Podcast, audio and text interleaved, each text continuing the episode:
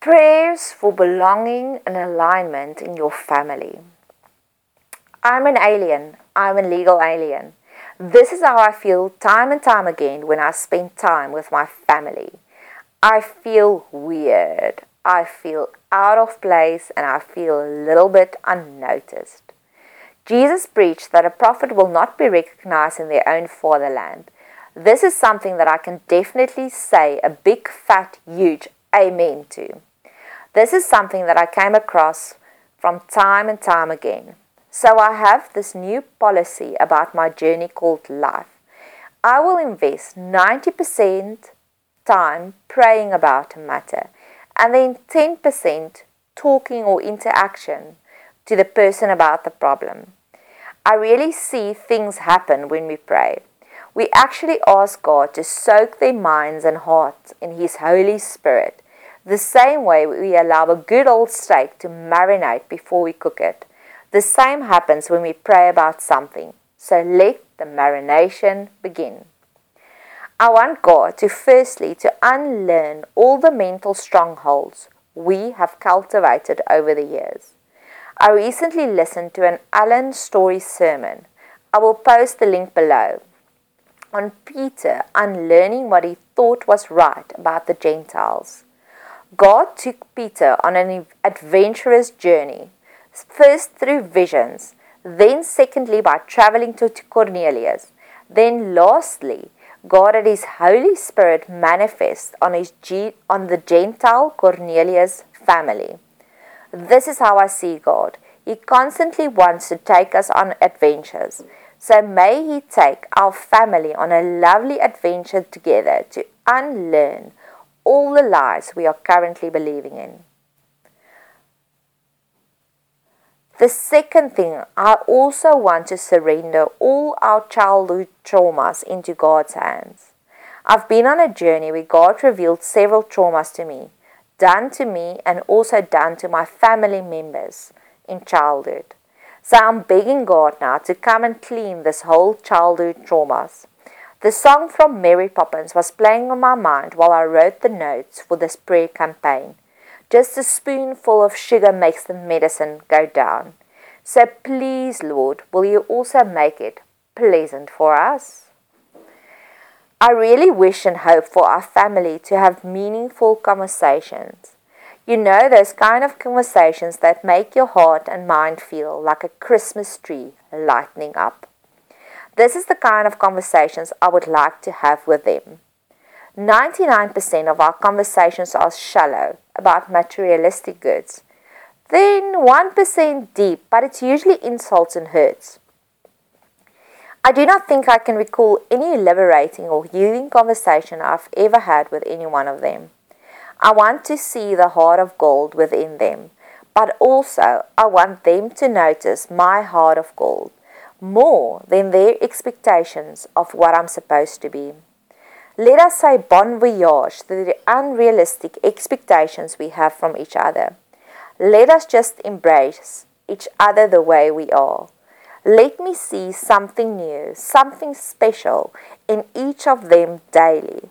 With other words, Lord, let me see your image, your godly sparks inside of them. Please erase all the ego driven mentalities in our life.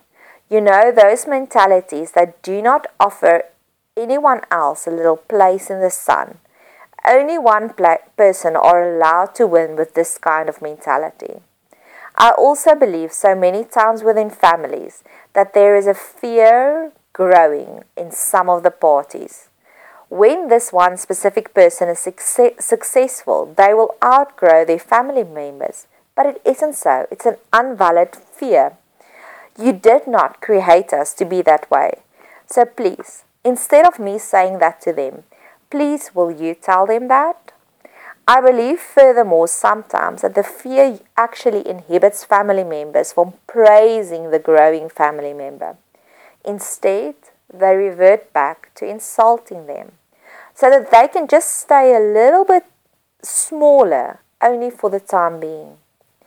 Please give us seven compliments for each insult to neutralize the insults. Lastly, Give them your perfect love to neutralize the fear. Also, give them the faith, the faith which is a gift from you to neutralize their fear. I also believe in families. They feel comfortable enough just to let go, to see to let family members see their worst side. Actually, this is a huge compliment, but it's also not fair or a beautiful sight. So please, Lord, teach them how to show their comfort levels with us in a pleasant way. Once again, this is a prayer of unlearning something. Will you too erase all the images, flashbacks we have of the bad and trauma we've had with our family? Please give us a thick skin, like the conversation in Grey's Anatomy, so that we not get bruised easily with family members. I want to help them. I want them to taste your unconditional love. I've once heard it said that the best way to keep someone close to you is by cutting off their legs. I think this is what happens so frequently in, in families. So please teach us not to do this instead. Just keep them tightly in your bundle of love. Lastly, I think too that family members fail to acknowledge the good you are doing. But if you stop doing it, then they expect it. Then they said, send you a harsh, harsh message about why you're not doing it anymore. You never even realize that it was appreciated. I think rewards work so much better and more gratitude too. So teach us to appreciate the kind gestures, gestures while they are still generously bestowed on us.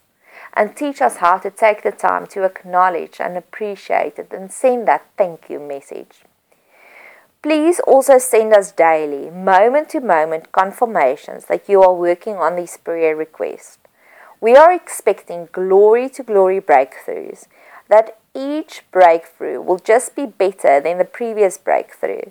I've recently met a fellow princess who told me the story how she pray- prayed for her husband to unlearn what he learned in his religion and join her in a fervent, radical crazy for, for Jesus church. Eventually, she had the breakthrough. I, me and my endless curious mind, asked her, What exactly did you pray for? She was not able to give me the bullet points, but now I want to eavesdrop in your heavenly conversation. Please teach me what exactly to pray for and keep me inspired.